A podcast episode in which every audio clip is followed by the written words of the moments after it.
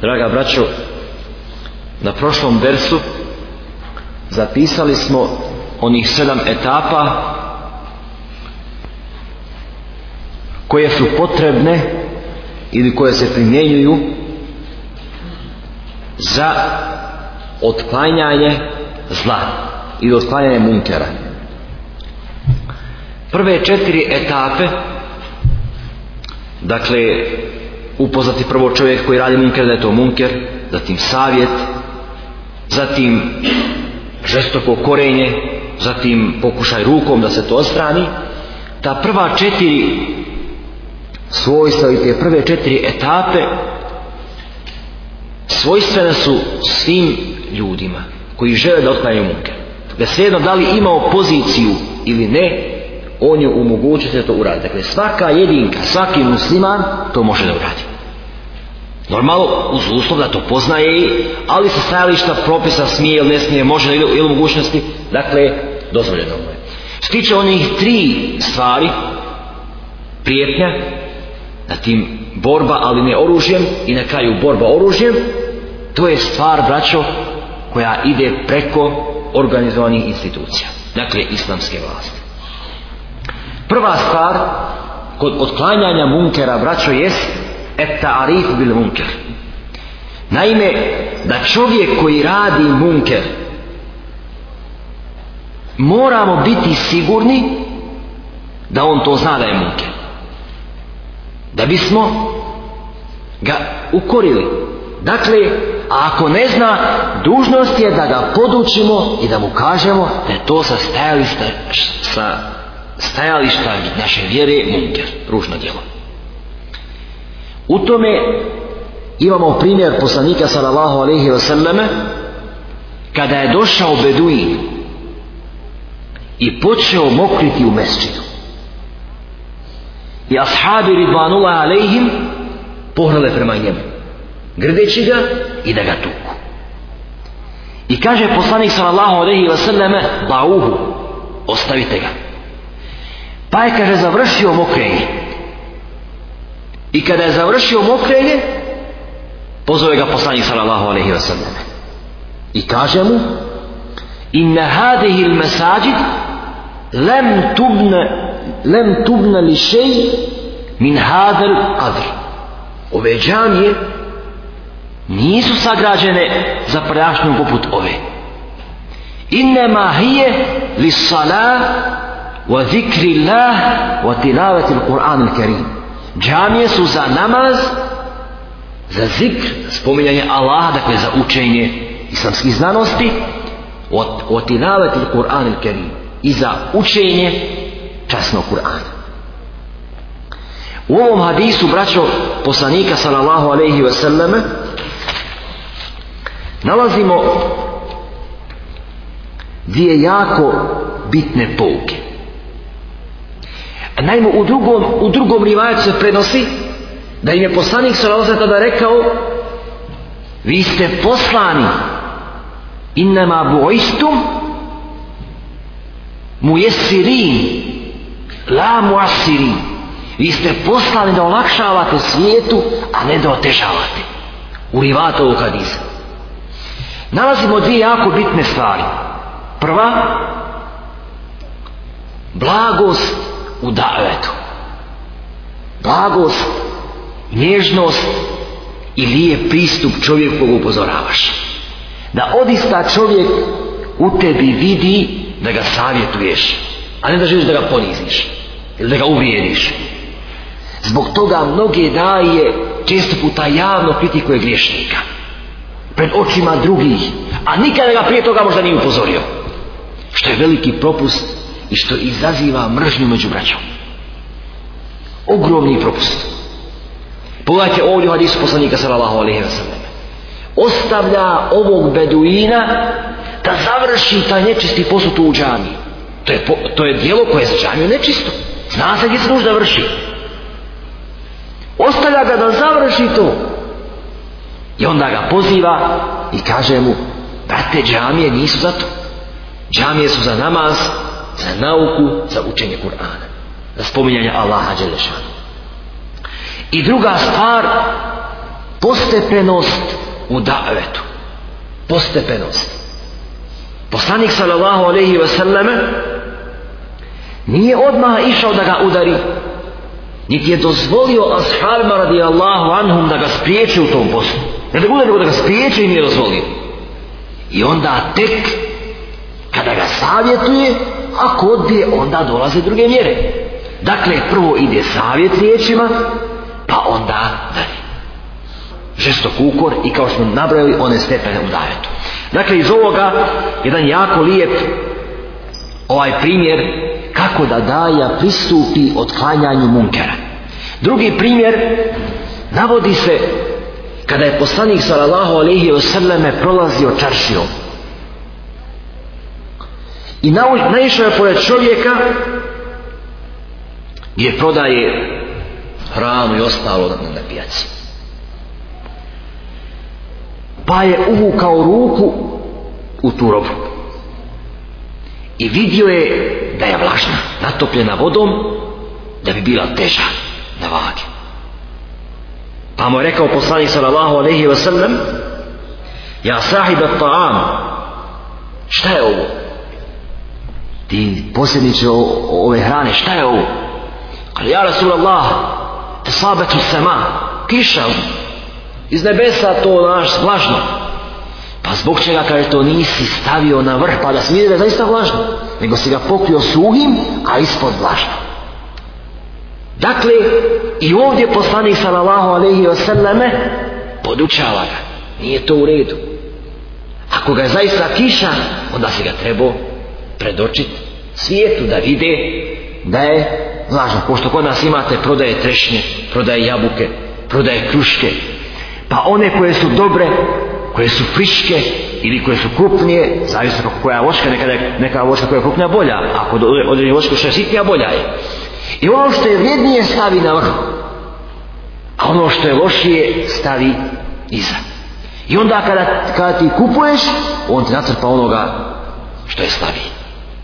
Dakle, zbog čega to nisi stavio pa da svijet vidi? I onda je dodao, men gašena, se minna. Onaj ko nas vara, nije od nas.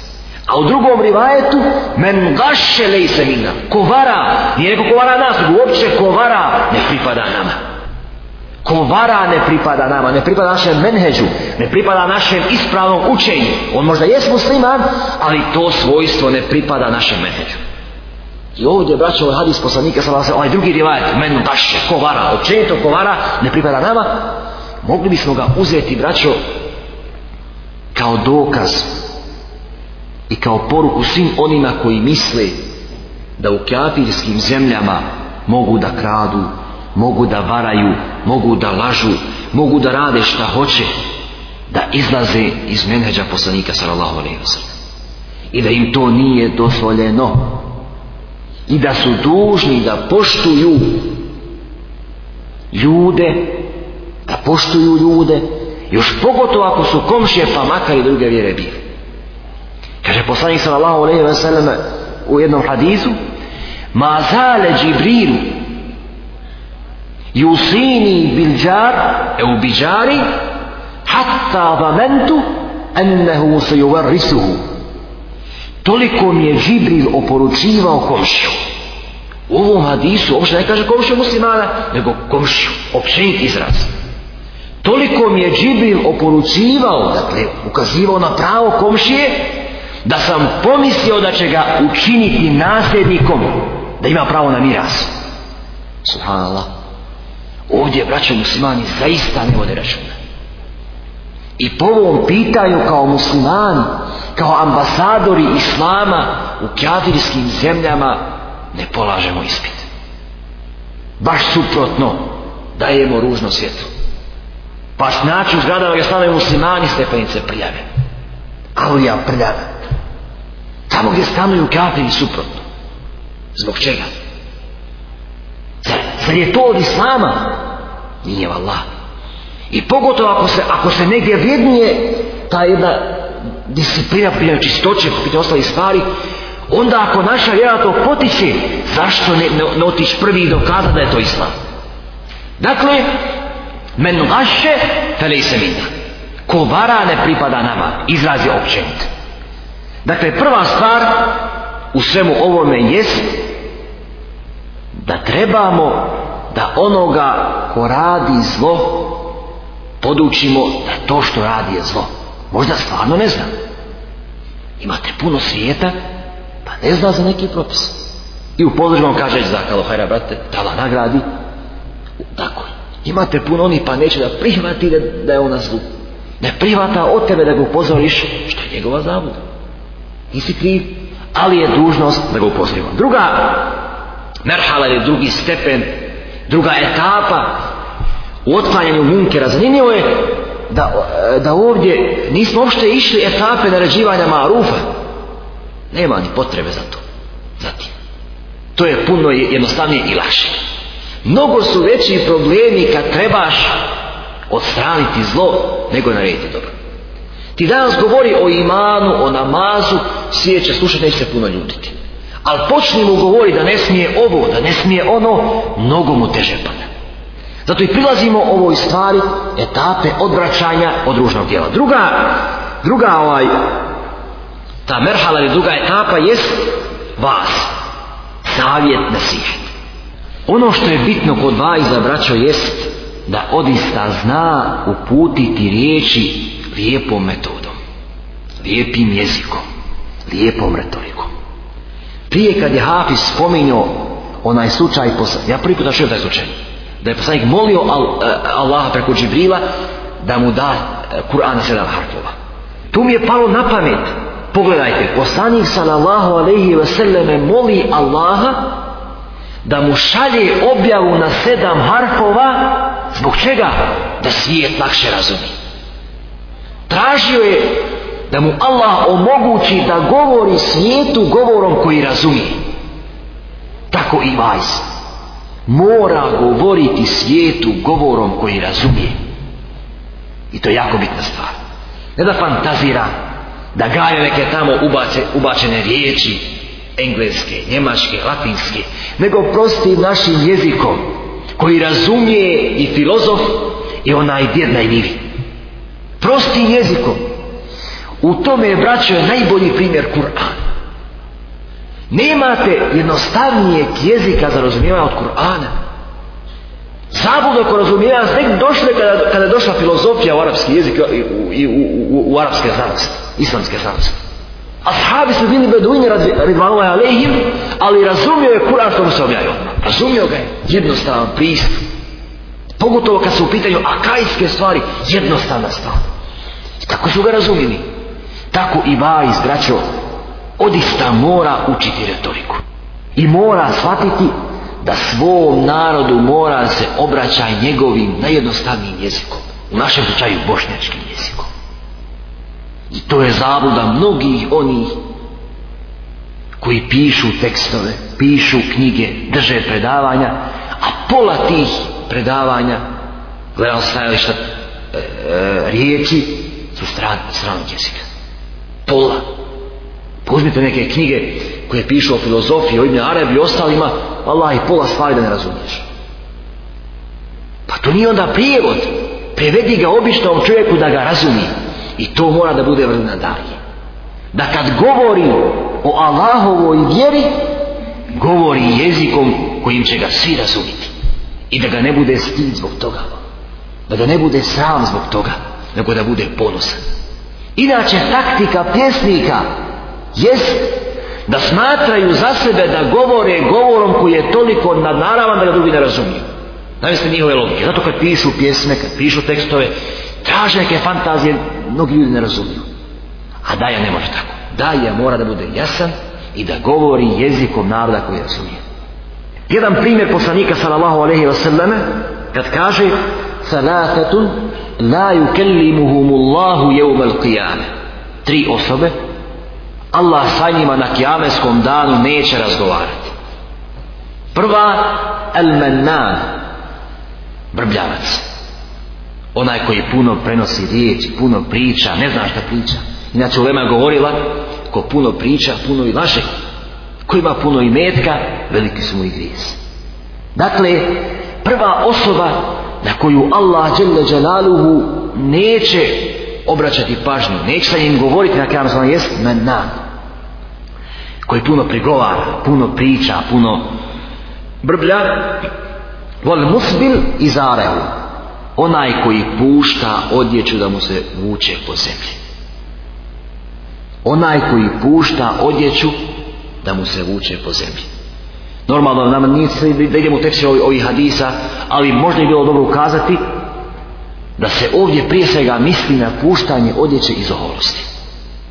Allah najbolje zna. Ali, Ulema kaže, to se odnosi općenito. Ulema to kaže, to se odnosi općenito. Pa je puštanje odjeće ispod članaka zabranjeno. Jer povlači prljaštinu, povlači svašta za sobom, zbog toga na muslimano je bolje da se drži toga. Dakle, druga osoba s kojom Allah neće razgovarati jest osoba koja pušta odjeću da bi hodao nad menom. I treća osoba el munfiq sil'atehu bil Onaj koji prodaje svoju robu lažnom zakletvom. Donese na pijaci Boga mi se ne platio ovo, pa wallahi je ovoliko, pa wallahi je ovaka je, pa dobra, izlaže, izlaže dok je proda.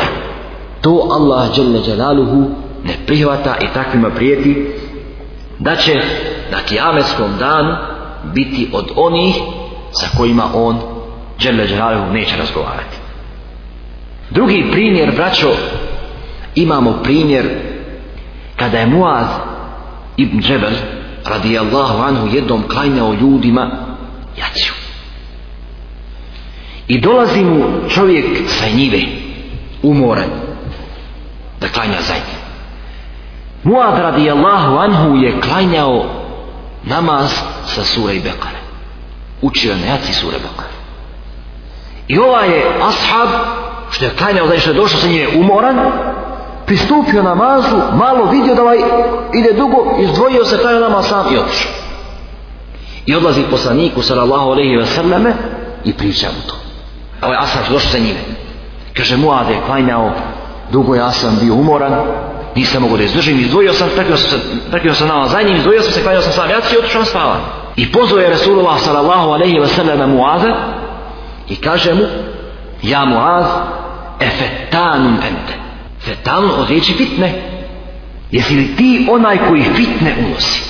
Mogli smo tako razumjeti. A fetan je sigat e, Dakle, Dakle, preuličavanje. Dakle, jesi li ti onaj koji puno fitne pravi? Zašto im nisi učio sebi isma kel'ana vašem Vašemsi duhaha. I to, zašto im to nisi učio? I onda je na, rekao mu, kada klanjate, za vama klanjaju i stari i slabi i oni koji imaju neku potrebu zato nemojte dubiti dakle i ovdje poslanik sallallahu alejhi ve selleme koristi metodu vaza jezičku a to je preuveličavanje jesi li ti onaj koji fitne pravi Dakle, upozorava ashabe radijallahu anhum da kada klanjaju farzove, farz namaze koje su odnosno farz namaz. A za njima ima različitih kalibara ljudi da vode račun o tome. Dok kod nafile to nije slučaj. Kad klanjaš na filu, kad klanjaš raviju, onda je bolje što duše. Ko ne može neka sjedne, vrati, Nije ni farz da je klanja uopšte, a kamo da, da klanja stojeći ako, ne može. Zato ne ima pravo niko da se ljuti kad se klanja na fila zbog čega je dugo. Na fila u biti je da se klanja što duše. Ali ima pravo svako da se ljuti, ako se fart odulja, on sva nema te Dakle, ovdje poslanik sallallahu alejhi ve pristupa dakle toj metodi vaza i upozorava ovoga sahaba radijallahu anhu na taj njegov gest. Ima još primjera, ali obzirom da smo i kasno počeli sa predavanjem, nećemo ići e, u sve detalje, ali u biti braćo kod vajza moraju posjedovati dvije stvari. Moraju biti dvije stvari. Prva, da stvarno ima istinski nijet da ukori u ime Allaha. Da ima istinski nijet da upozori i da uputi savjet u ime Allaha. Ako to ne bude, braćo, djelo ne ide naprijed. I druga stvar, da se kloni javno vrijeđanja onih koji upozorava. Vidio si vrata nešto ružno radi, nemoj ga odmah pred, pred učenicima ukoriti ili pred, pred svijetu. Ne. Nego, ako već hoćeš ukaže na taj gest, onda obuhvatiš sve pa kažeš, braćo, jako je nepoželjno to i to raditi. Ne, ne spominješ njega, ne gledaš u njega, nego generalno. Ili, ako baš želiš da direktno njemu kažeš, izvojiš ga i kažeš mu to. Dakle, dvije bitne stvari kod vajza. Kod onoga koji upozorava, kod daje, da ima iskren nijet, i da izbjegava javno vrijeđanje onih koje upozorava. Treća stvar, etakrija wa ta'ani, dakle žestoki ukor. Žestoki ukor i ovdje braćo Allah kada daje smjernice poslaniku sallallahu alejhi ve selleme kako da se opodi prema ljudima, prema mušlicima, daje mu ili upućuje mu i ovaj savjet da bude žestok a pa kaže Ja ejuhan nebiju džahidil kufara val munafiqine Wadlud alejhim Bori se poslaniće protiv munafika i kafira i budi često prema njima strog, grub. Zatim wal jeđidu fikum gilva kada se obraća ummetu, ashabima, ridvanu alejhim, neka oni u vama, vaše nađu strogoću, kada se budete protiv njih borili. U hadisu se navodi da je neka žena došla poslaniku sallallahu alaihi selleme i sa sobom vodila svoju kćerku koja nije na sebi imala kosa ili je bila rijetka kosa, pročelava djevojka i kaže poslaniće Nećemo ići čitati arapski, arapski, arapskog teksta zbog toga što smo i kasno počeli, a i knap nam je vrijeme. Postavit će moja, moja kći se udaje uskoro. Smijem li joj ugraditi, ajmo reći doslovno periku, vještačku kosu? Pogledajte poslanikovog ovdje usluga, njegovog metoda i njegove, a kako da kažem, njegove reakcije. Allah je prokli prokleo od, odmah Allah je prokleo. Neka, ne, ne neki blagi sajn, odmah Allah je prokleo. I onu koja spaja kosu, koja radi to djelo, i onu kojoj se to radi. Prva riječ, Allah je prokleo. Pogledajte žestokog ukora. Zatim, u istom hadisu, i prokleo je one koji se tetoviraju i one koji vrše to djelo, koji tetoviraju. I, i zadnje ovaj e,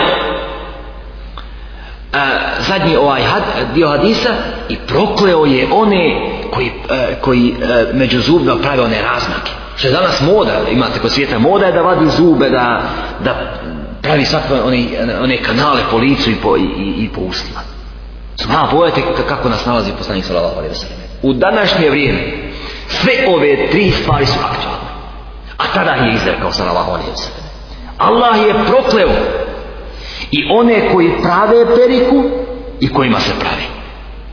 I one koji tetoviraju, koji rade to djelo i oni kojima se to radi. I oni koji rade te operacije po zubima, rastavljaju zube i tako dalje. Dakle, ovaj pristup žestokog ukora, braćo, u hadisima poslanika sallallahu alejhi ve selleme često puta je počinio izrazom Allah je prokleo. Neće na njega gledati, neće sa njima govoriti na kjavenskom danu. Imate nekoliko hadisa, tri osobe.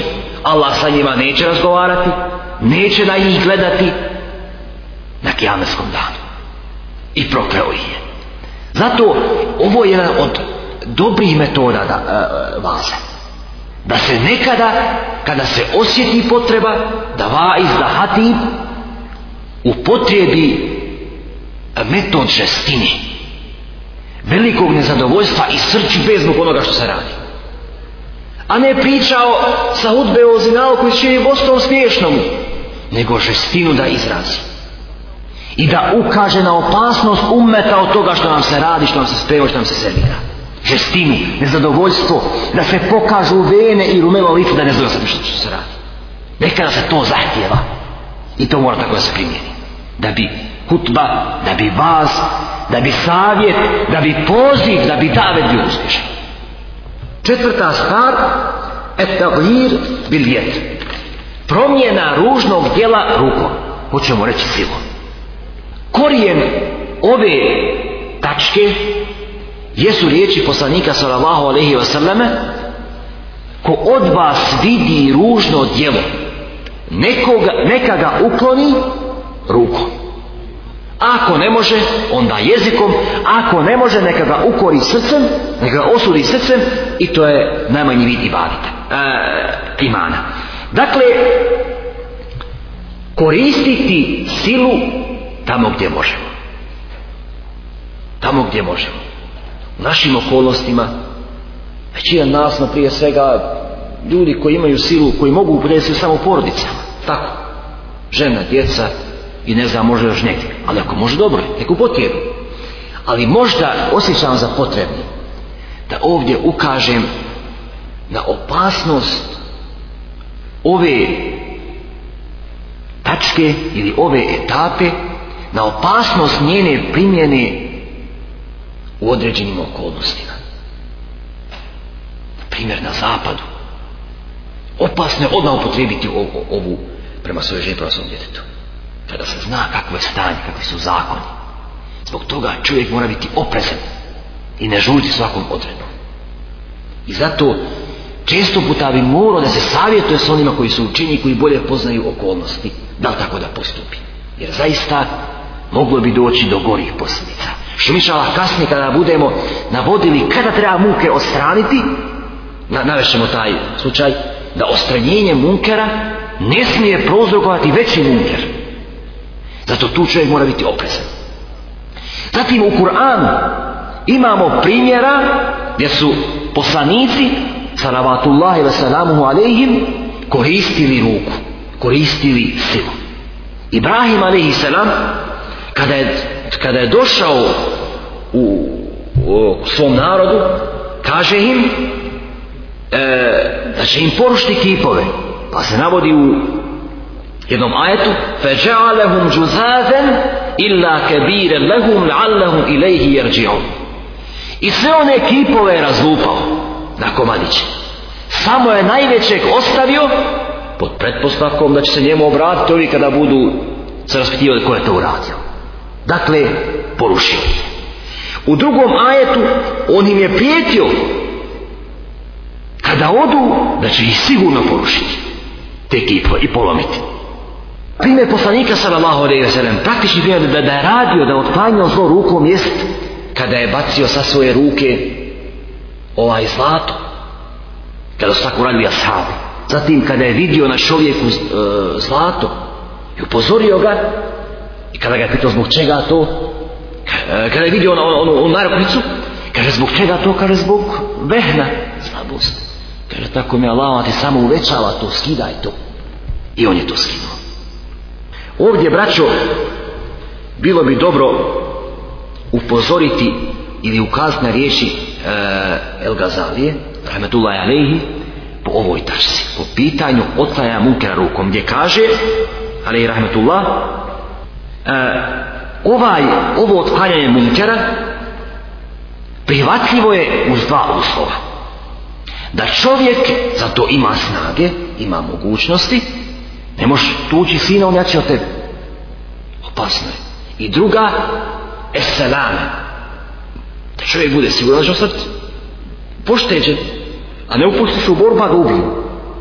Dakle, dva su I onda kaže, što, toga, što tiče ova dva šarta, uvjeta, imamo četiri te faze. Prva je da može da ima snage i da mu se neće ništa dogoditi, će ostati zdrav, onda u tom slučaju njemu je vađi da to uradi.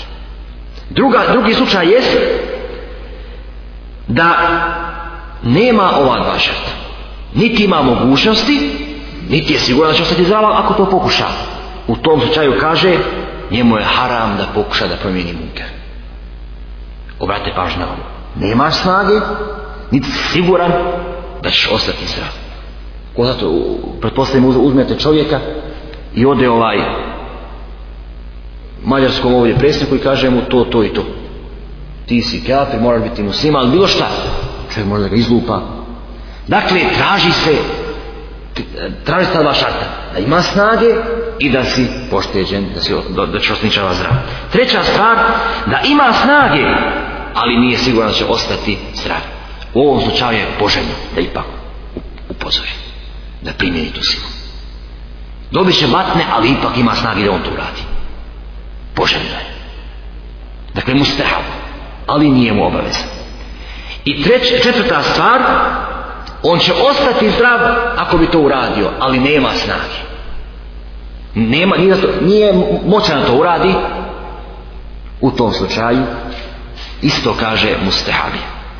Lijepo je. Ako može, može. Ako ne može, ili ako može lijepo je i se Ako ne uradi, nije griješan. Kaže Imam Ahmed, ali i rahmetullah, naređivanje dobra, a ozrač, odračanje od zla je vađiv svakom muslimanu. Svakom muslimanu. Pa mu je rečeno, šej šta ako se boji čovjek za sebe kada bude radio to, to djelo rekao je ako se boji za sebe onda neka ne čini to ako se boji za sebe onda neka ne čini inša Allah ovdje ovaj završit ovu tačku riječima Allaha dželle dželaluhu la yukellifu Allahu nefsen illa Allah nikoga ne opterećuje preko njegovih mogućnosti i drugi ajet fettakullahe Vestapa'tu. Bojte se Allaha koliko možete. Dakle, objasnili smo prilike u najkraće ovu taču. Otklanjanje zla ruku. I ove četiri prve tačke rekli smo, braćo, dužnost je svakom pojedincu da to radi. Dok tri zadnje koje ćemo sada navesti, inša Allah, odnose se samo na organizovane institucije ili preciznije rečeno na islamsku državu, vlast, kadiju i tako dalje.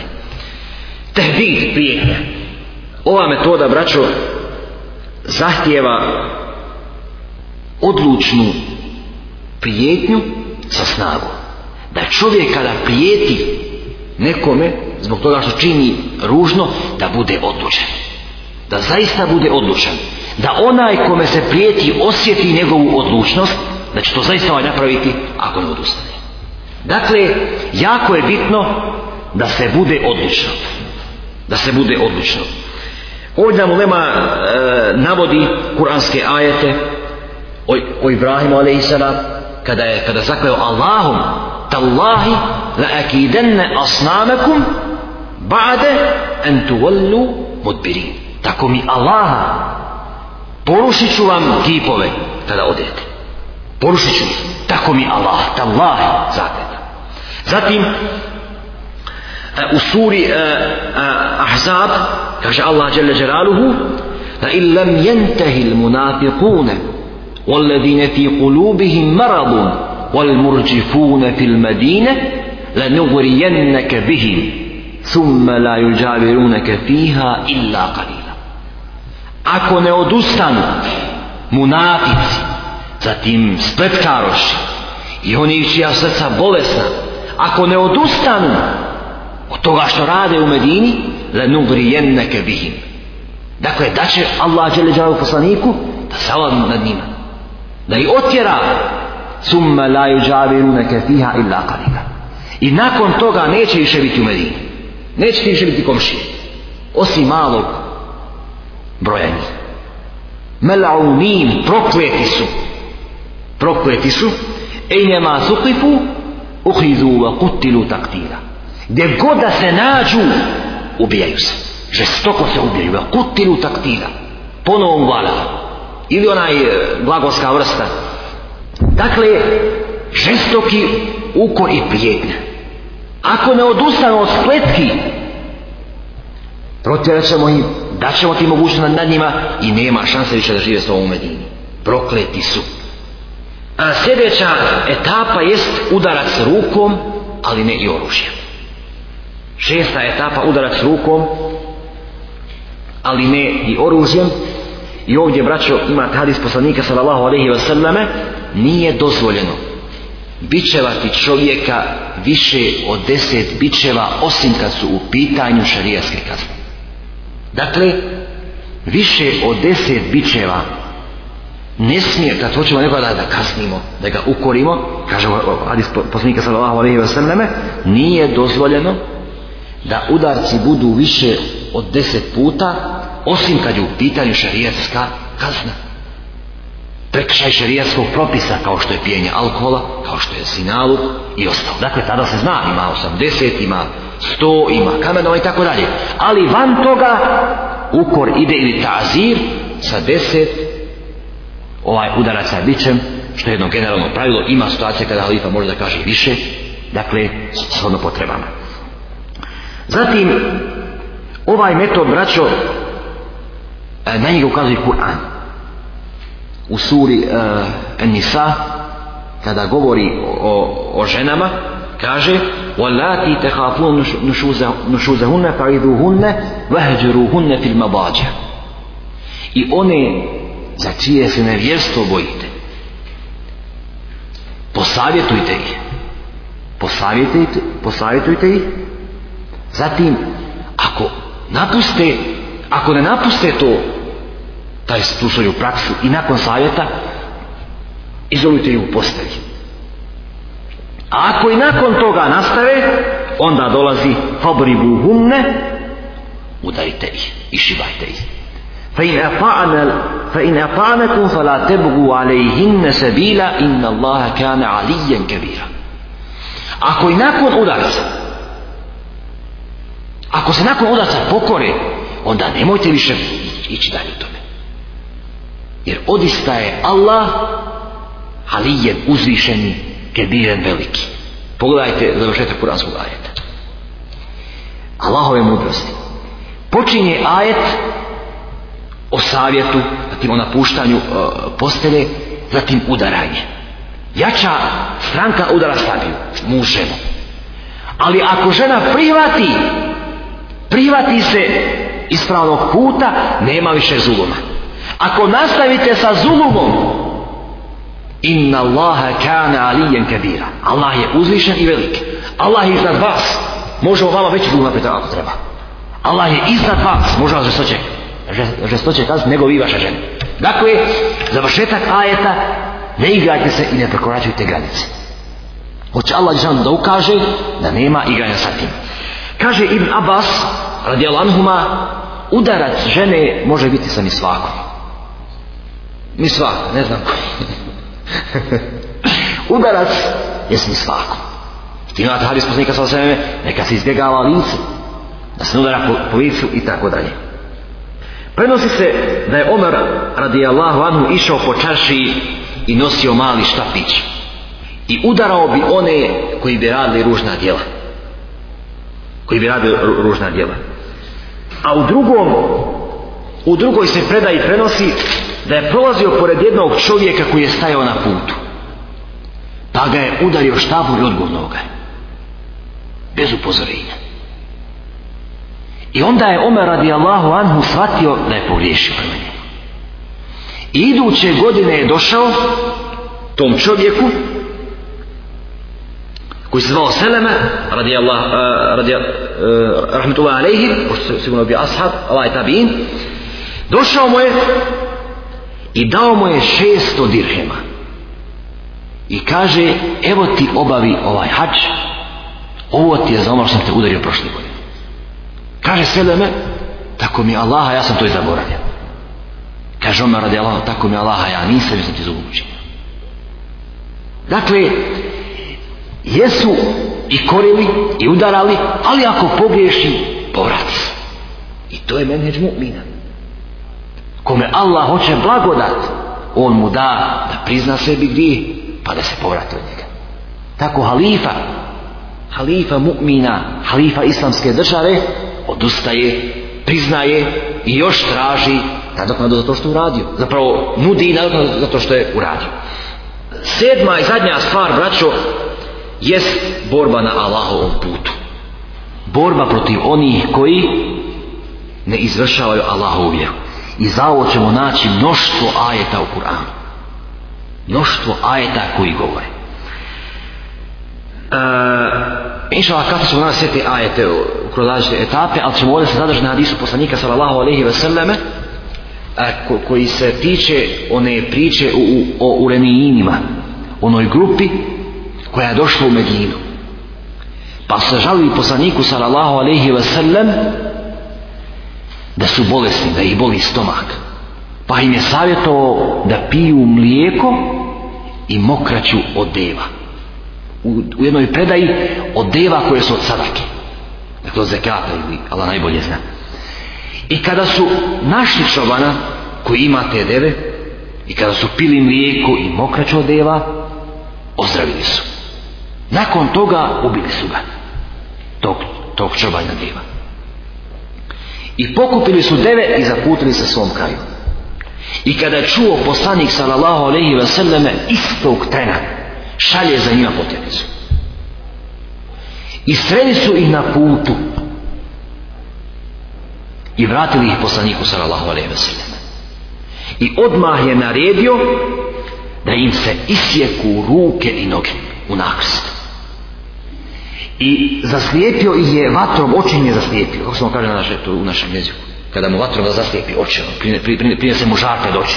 Zaslijepio im je oči i naredio je da se stavi na pijesak na vrelinu da osjete žić pa su molili da ih napoje niko ih nije htio napojiti i tako su umrli kažu komentatori da kada su oni ubili onog čobana tako su mu uradili stavili su ga na pijesak i mučili i isto dati vode, da pije i poslanik sa ozem je uzvratio istom mjerom uzvratio im istom mjerom a pogotovo što su iznevjerili i njegov emanet. Oni je uputio na čovjeka, a oni ga onda ubili. Faktički kao da je poznikova zavjera tu Tako se može shvatiti.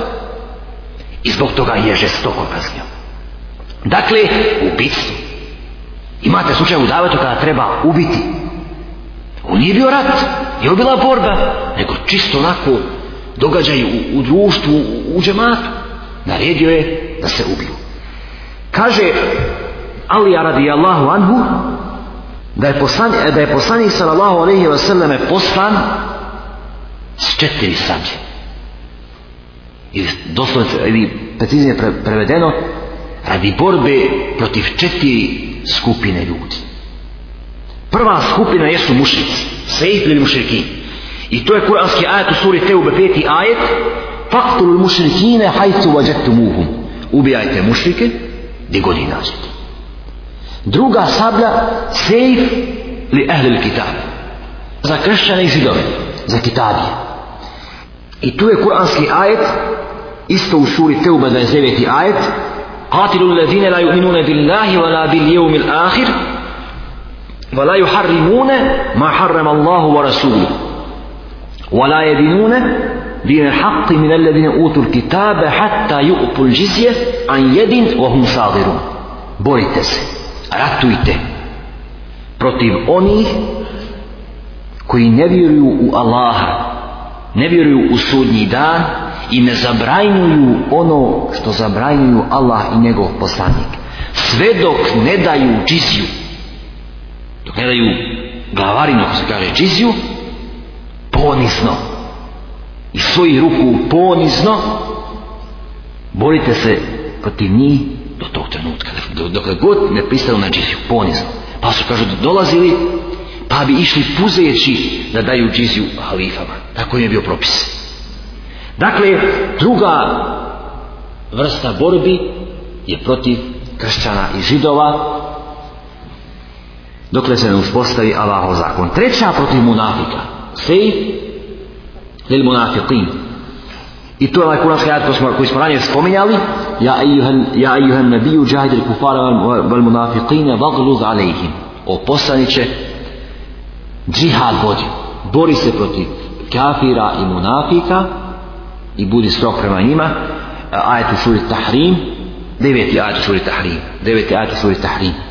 I zadnji, sablja za one koji prave zulum, lil bugat, kao što je bio ovaj hadis koji su, koji citirali, a na, a na to upućuje deveti ati sura al hujurat فَقَاتِلُ الَّتِي تَبْغِي حَتَّى تَفِيَ إِلَا أَمْرِ Kada govori u suri Al-Hujurat o borbi ili o, o svađi među mu'minima, dođe do, do konflikta među muslimanskim skupinama. I kada Allah Žešanu naređuje da se pomire te skupine, onda kaže borite se protiv one koja prekrši to, koja hoće dalje da se bori. Sve dok se ne vrati Allahovoj odredbi. Borite se protiv takve.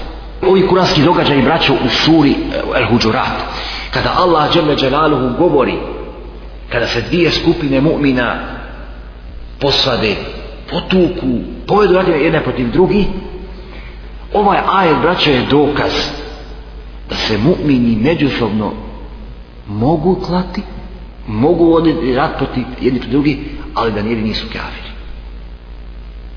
Ovaj je dokaz. I ovo je dokaz da ashabi Allahu anhum niko od nije bio na kufru. Dakle, jer počinje ajet va in pa i fetajne nije tetelu ako se dvije skupine mu'mina da jedna kafirska ne bi razo mu'minima pojašnjenja ako događa sa ashabima da niko od njih nije bio na kufru kako to neke neke sekte da kažu, nego da su to bili Allahovi robovi, koriste svoj štihad, smo možda prevelike ljubomore prema vjeri, to je i navelo ono što ih je navelo, ali da u biti može se dogoditi neka skupina rata protiv druge muslimanske skupine, a da nisu na kufru, zbog nemoće da nastavimo vraćati zbog vremena, inša Allah nastavit ćemo